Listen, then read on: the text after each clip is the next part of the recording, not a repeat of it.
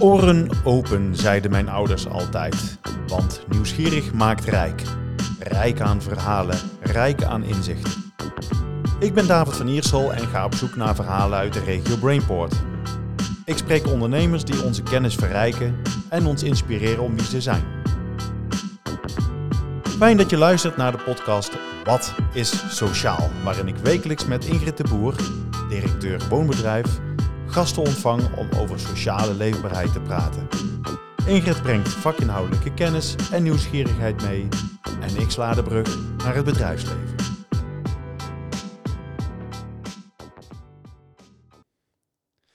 Vandaag gaan we in gesprek met Karel Franke, directeur-eigenaar van Bureau Franke. Welkom, Karel. Dank je. In onze podcast. Ehm, voor de luisteraars, zou jij eens willen zeggen wie Karel Franke is? Karel Franke is uh, uh, geboren in Bergijk en uh, werkt al een 25 jaar in de bouw.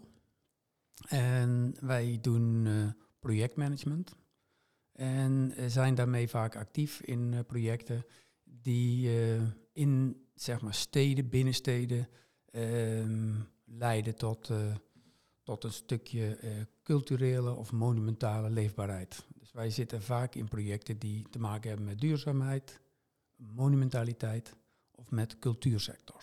En uh, dat is natuurlijk niet zo begonnen, maar mijn uh, drijfveren zitten denk ik toch gewoon een stukje in waar ik uit voortgekomen ben. Mijn vader was onderwijzer, om maar een vast iets te beginnen.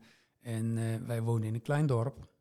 En hij was iemand die het cultuur en volkscultuur en leefbaarheid heel belangrijk vond.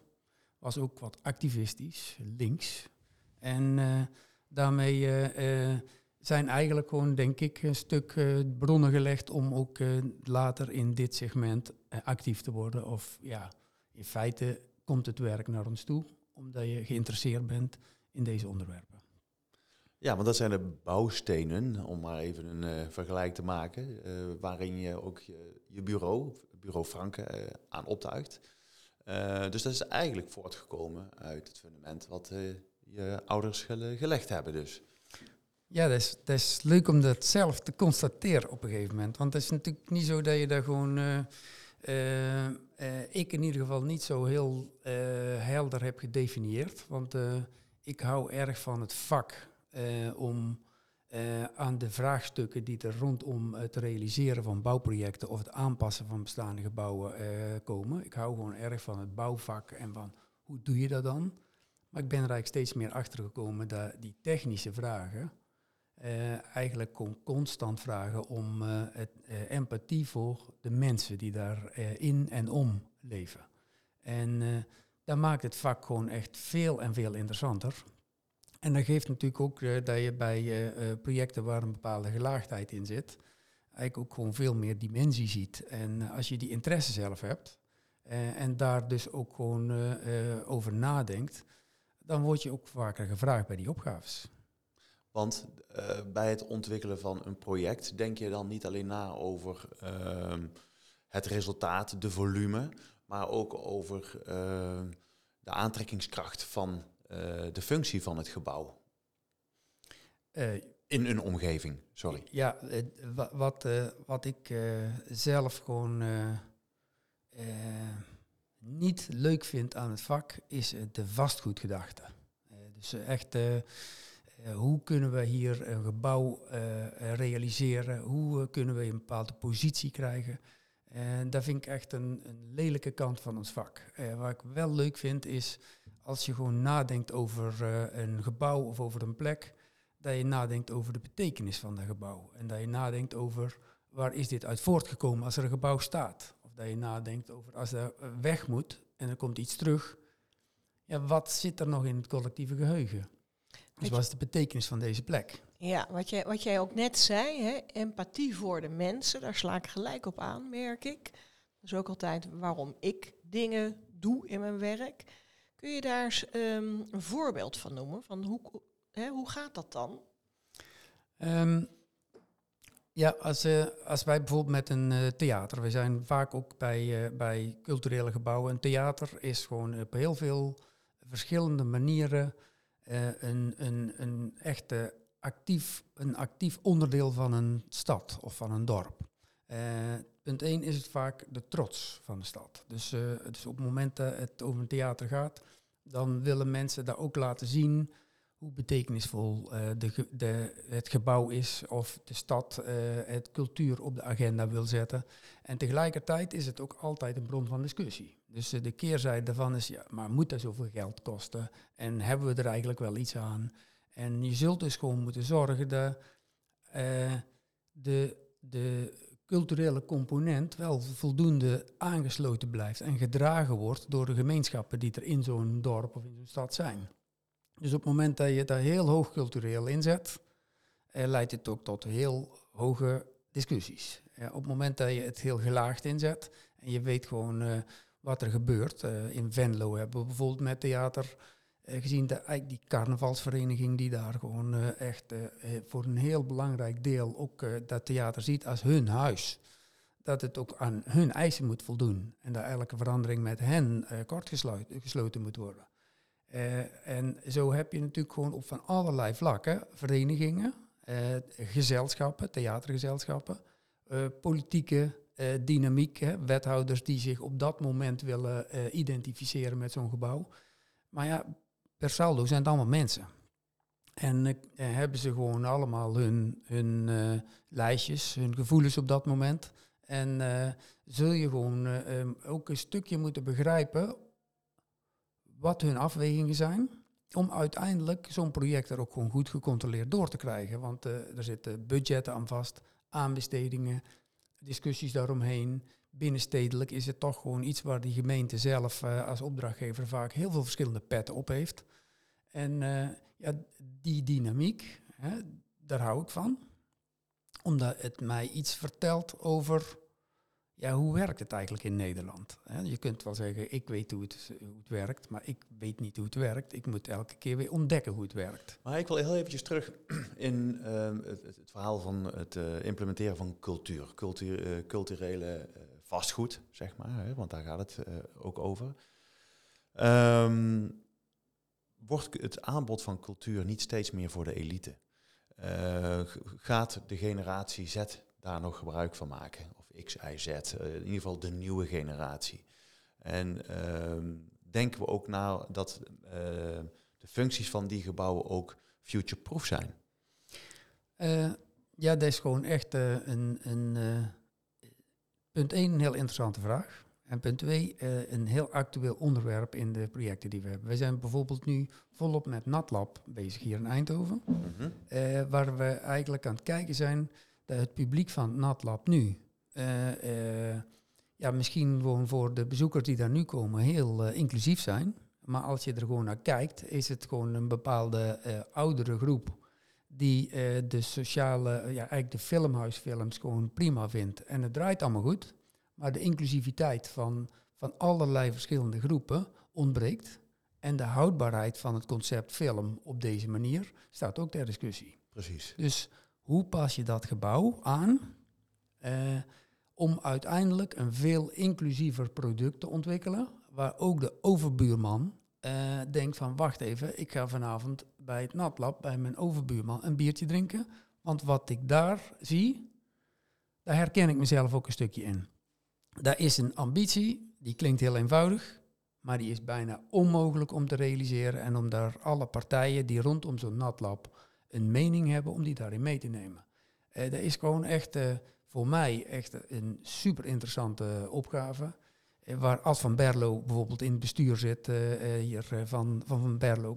Die daar natuurlijk ook gewoon in de verbinding met de stad gewoon ja, voeling heeft met wat is hier haalbaar, welke mensen moeten hier zijn aangesloten. Ja, maar wie, wie woont er tegenover?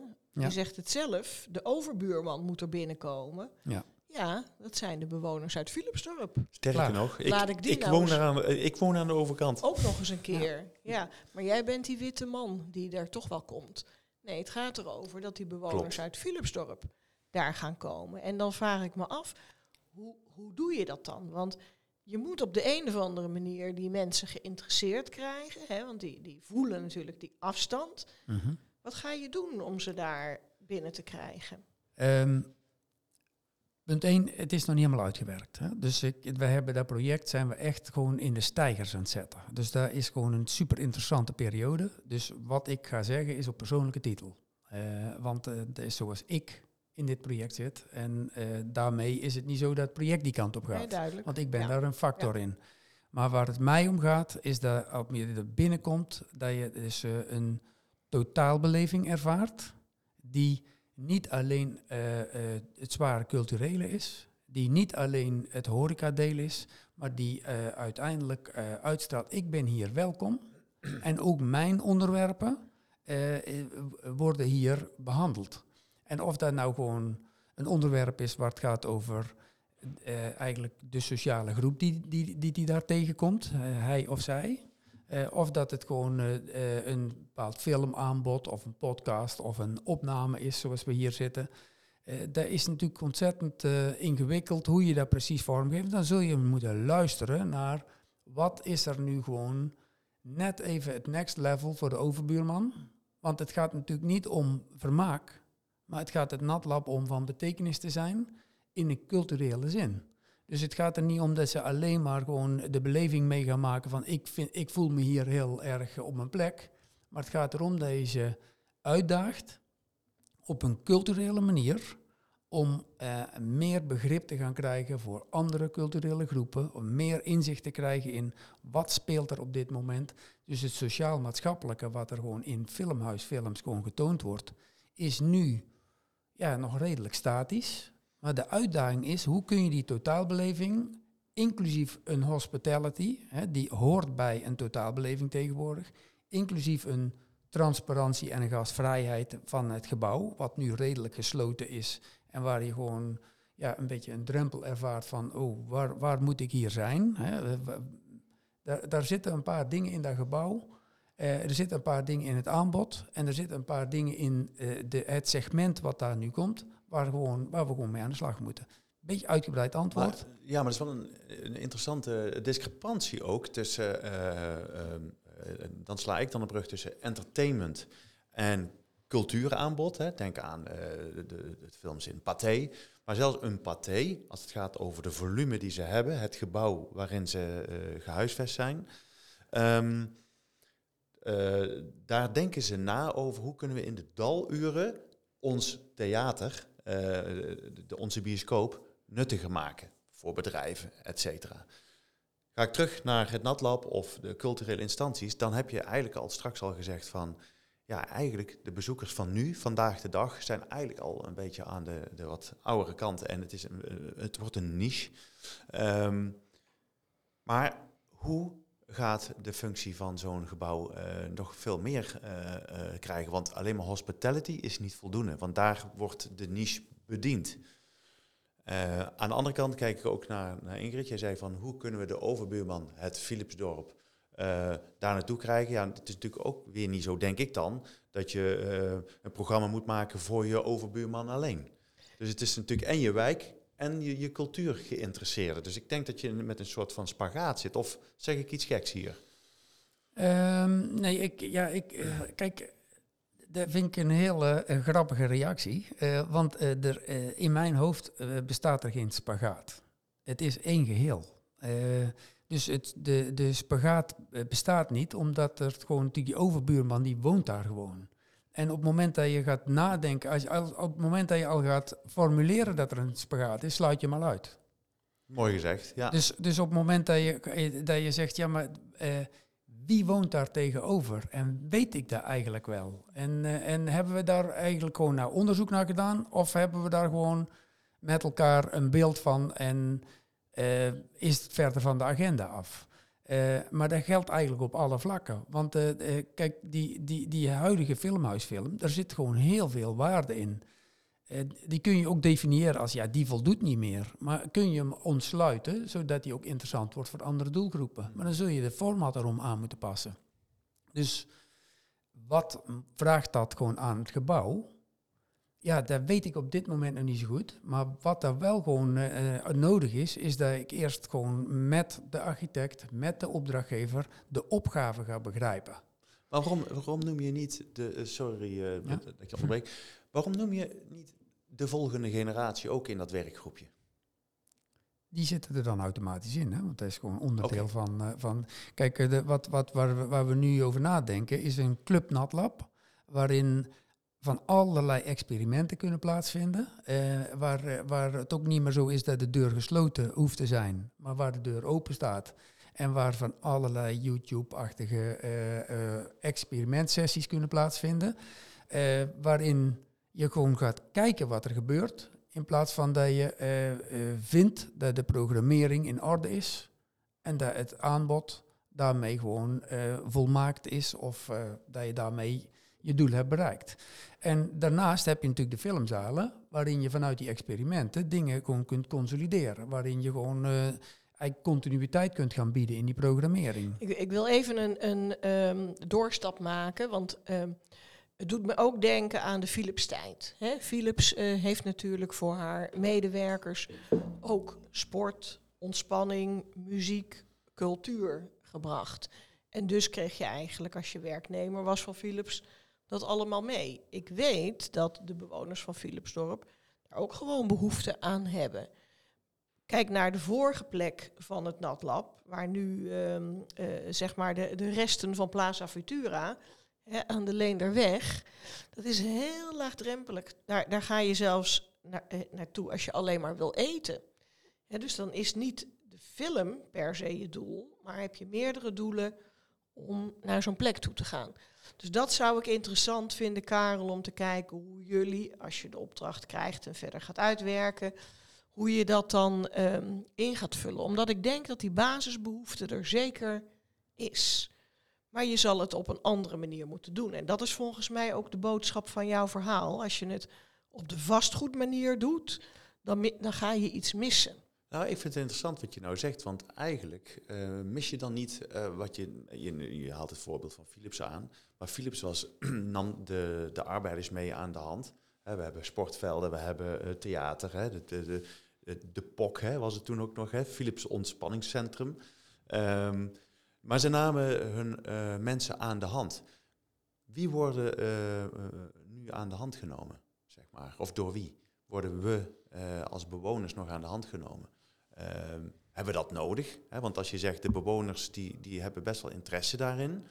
Maar is het misschien zo dat er misschien een instantie of een orgaan moet zijn die zegt: eh, hey, dit is wat we gaan doen, of dit is wat je kunt gaan doen. Eh, dus dat er misschien een soort afzender mist. Ja, kijk, als je daar vanuit een eh, historisch perspectief bekijkt, dan is het natuurlijk zo dat in de tijd van Philips er hier mensen uit agrarische gemeenschappen naartoe werden gehaald en die in een totaal andere context kwamen werken. En, eh, en dat was gewoon echt massaal. En eh, om daar gewoon eh, eigenlijk een, stuk ontwikkeling en een stuk perspectief te bieden, zijn er op van allerlei vlakken, hè, zowel sociaal-maatschappelijk als cultureel, dingen georganiseerd door Philips om gewoon het vestigingsklimaat en, en de ontwikkeling van mensen te stimuleren. Ik denk dat je wel gewoon kunt zeggen dat wij gewoon eh, eh, eh, daar het product van zijn met z'n allen hier. En, en- dat die achtergrond ook gewoon echt wel een, doorklinkt in ons DNA. En daarmee ook niet meer die top-down leiding nodig heeft. En, en daarmee ook niet gewoon ja, vraagt om een soort leidende, leidende rol van de culturele sector. Tegelijkertijd hebben mensen wel graag gewoon eh, eh, iets waar ze bij kunnen horen. Waar ze gewoon iets van opsteken. Eh, waar ze eh, denken van ja, maar daar, daar is, dat is nou gewoon waardevol geweest. Want uiteindelijk willen mensen gewoon van betekenis zijn. Wie ze ook zijn. Ze willen van betekenis zijn omdat ze zeggen: Ik heb gisteren iets moois gehoord, dat ga ik in de praktijk brengen. Ze willen van betekenis zijn omdat ze hun eh, buurman of hun overbuurman aan het helpen zijn. En zo wil je als culturele instelling van betekenis zijn. Net als dat die overbuurman voor zijn of haar buurman van betekenis wil zijn. En ik denk dat we dus in die zin ja, het, het, het, nou ik zou bijna zeggen, Stalinistische model, wat Philips destijds heeft ingevoerd, gewoon los kunnen laten in goed vertrouwen en luisteren naar wat we uit die ontwikkeling hebben doorgemaakt met elkaar.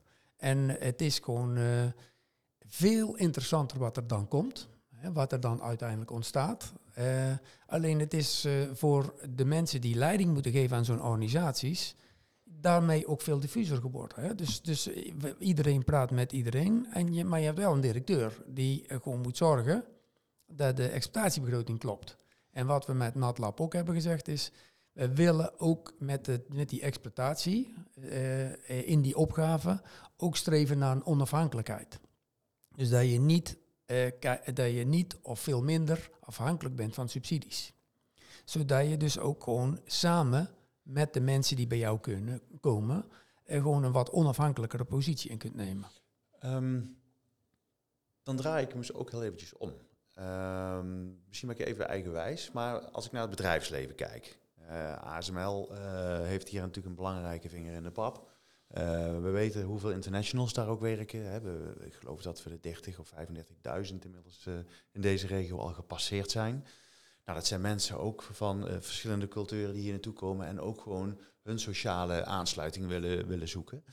Is het niet zo dat um, grote organisaties als een ASML, maar goed, er zijn nog zat andere voorbeelden ook te noemen, die ook verantwoordelijkheid moeten nemen om te zeggen van, luister, dit is ook jullie aanbod? Want in Eindhoven, regio Eindhoven, um, zijn er iets van zes culturele instanties, hè, van, van, van Abbe Museum tot aan uh, uh, het Parktheater tot aan Natlab, je noemde het net al. Nou, we hebben er zo een aantal. Nou, we hebben in, in de omgeving nog wel een aantal wat kleinere theaters en Helmond heeft er wat.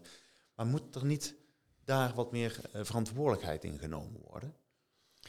Uh, ja, ik zou daar gewoon uh, enorm willen stimuleren. En ik vind dat daar gewoon de, de, de grote bedrijven echt uh, iets, iets laten liggen. En dat ze daar ook, wat mij betreft, vandaag op aangesproken worden. Um, kijk, winstgevendheid vind ik gewoon een vies woord. ik vind het gewoon belangrijk dat je met elkaar zorgt dat er uh, een sluitende begroting is. En dat je, uh, dat je voldoende winst maakt om de toekomst aan te kunnen. Maar uh, je moet ook gewoon de verantwoordelijkheid nemen voor het gebied waarin je werkt en leeft. En ik vind zelf gewoon best problematisch dat er bij ASML zo ontzettend veel geld naar aandeelhouders gaat. En, en dat er zo ontzettend weinig van gewoon rechtstreeks teruggaat naar, naar de gemeenschap hier. En daar hoor ik nooit, want iedereen is natuurlijk gewoon ontzettend trots, ik ook, hè, op wat ASML doet. En ook op de bijdrage die ze gewoon economisch leveren aan deze regio. Dat alleen al zorgt ook voor een bijdrage in de cultuur. Hè. Dus ik, ik, ik wil daar niet alleen maar gewoon bij hun neerleggen. Maar ik vind wel dat je daar een rol in hebt. Dus wij hebben een bedrijf. Ik heb jarenlang gedacht, moet ik daar nou gewoon, is het een bedrijf, is het een BV of is het een stichting? Uh, het is nog steeds een BV, omdat op een gegeven moment mijn accountant zei, het gaat er niet om welke vorm je kiest, het gaat erom wat je doet. En daar was ik het eigenlijk helemaal mee eens. Uh, wat, er, wat je doet, uh, daarmee leg je uit hoe je erin zit. En niet welke vorm dat je kiest of hoe je erover praat. En als wij dus winst maken, en wij hebben gewoon elk jaar eigenlijk gewoon een bescheiden resultaat, uh, daarmee hebben we nu gewoon bijvoorbeeld gezegd, daar gaan wij uh, uh, bijdragen aan het Van Abbe Museum, zodat ze mooie nieuwe kunst kunnen kopen. daar hebben we van allerlei theaters die we hebben gedaan, waar wij gewoon nog steeds een sponsor van zijn, zodat we eigenlijk onderdeel zijn. En het, bijna een van de leuke dingen is bijvoorbeeld, wij hebben bij ons in het dorp, in Vessem, waar ik woon, hebben we mee mogelijk gemaakt dat daar het Beerse weer gebrouwen kan worden bij ons in het dorp. En uh, zij zijn nu die brouwerij helemaal aan het inrichten. En wat we nu willen doen, is eigenlijk gewoon mee investeren in die brouwerij vanuit het geld wat we daarmee eigenlijk op hebben gehaald. En daarmee krijgen we gewoon elk jaar 5% uitbetaald in hartstikke lekker in het dorp gebrouwen bier.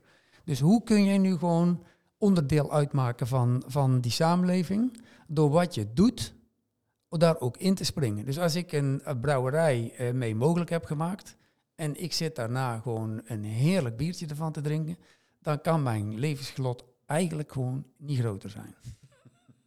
Nou, ik vind het echt een prachtig voorbeeld, dit laatste. Hè, omdat je dan uiteindelijk ook lokale gemeenschappen weer ehm, nou, levensvatbaar maakt of houdt. Hè, want daar, daar is het natuurlijk best lastig om in de campen inderdaad uh, nog goed je brood uh, te verdienen. Stel je dan bijvoorbeeld ook um, vragen over hoe ze dat dan doen. Hè? Dus je zegt, de brouwerij is daar belangrijk. Het is belangrijk dat we daar een biertje kunnen drinken. Bemoei je je dan ook of wil je ook iets weten over die bedrijfsvoering, hoe ze dat dan doen?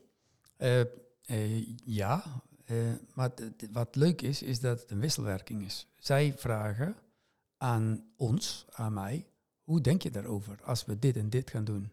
Uh, zij organiseren uh, elk jaar het Proostfeest, waar uh, van allerlei live muziek in de achtertuin van de brouwerij is, waar gewoon veel meer mensen naartoe komen als alleen in ons dorp, maar waar ons dorp ook op de kaart zet, maar tegelijkertijd ook gewoon de trots die mensen op het dorp hebben gewoon vergroot.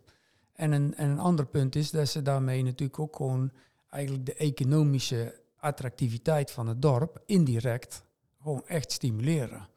Um, als ik dan zeg van ja, uh, ja als, ik, als, als we daarmee gaan investeren, uh, ja, ga ik dan allemaal vragen hoe het precies zit met dat geld? Of wil ik gewoon een onderdeel daarvan zijn? En ik heb, ik heb zelf de neiging om dan te zeggen, hier heb je het. Uh, ik denk dat jij er gewoon een goede hoeder van bent.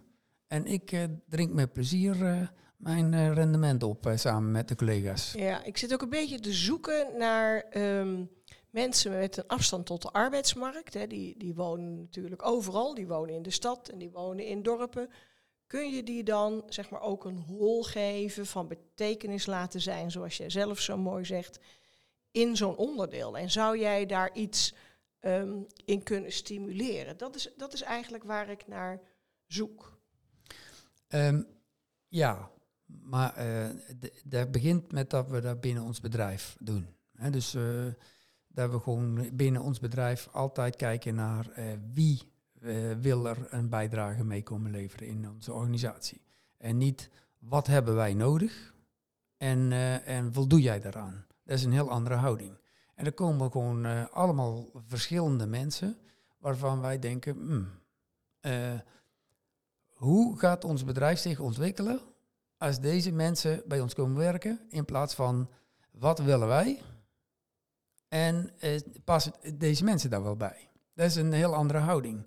En of dat dan mensen met een afstand tot de arbeidsmarkt zijn, of mensen die het uh, zwaar hebben gehad, of uh, mensen die gewoon super ambitieus zijn.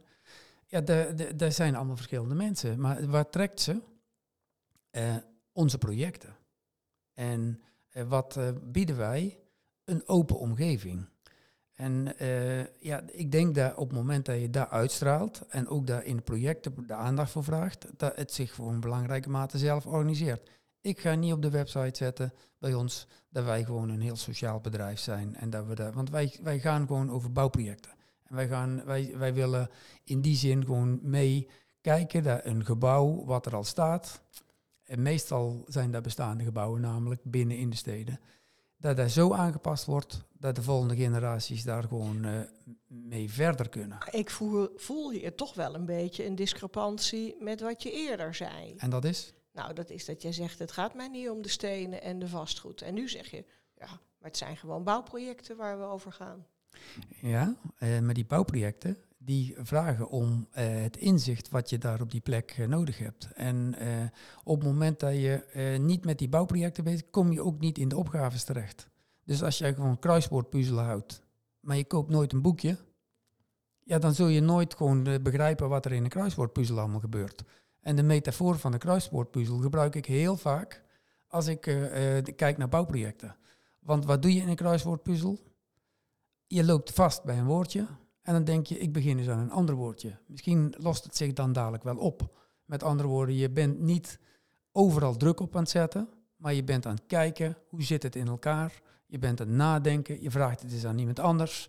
En zo zitten bouwprojecten in elkaar. En dat wij daar gewoon als basis moeten snappen hoe een bouwproject in elkaar zit, hoe je dat organiseert, hoe je er een bouwvergunning voor krijgt, hoe bouwkosten in elkaar zitten, ja, dat is natuurlijk gewoon de liefde voor ons vak. Maar die liefde voor ons vak, daar zit wel, daar zit wel een houding aan vast die net iets anders is als wat je zegt. Dus ik vind het wel een mooie vraag, maar ik hoop dat het een uitleg is die je, die je wat verder brengt. We gaan uh, langzaam richting het einde van de uitzending alweer. En een uitzending vliegt altijd voorbij. Karel, mag, mag ik je danken voor uh, jouw uh, inzichten.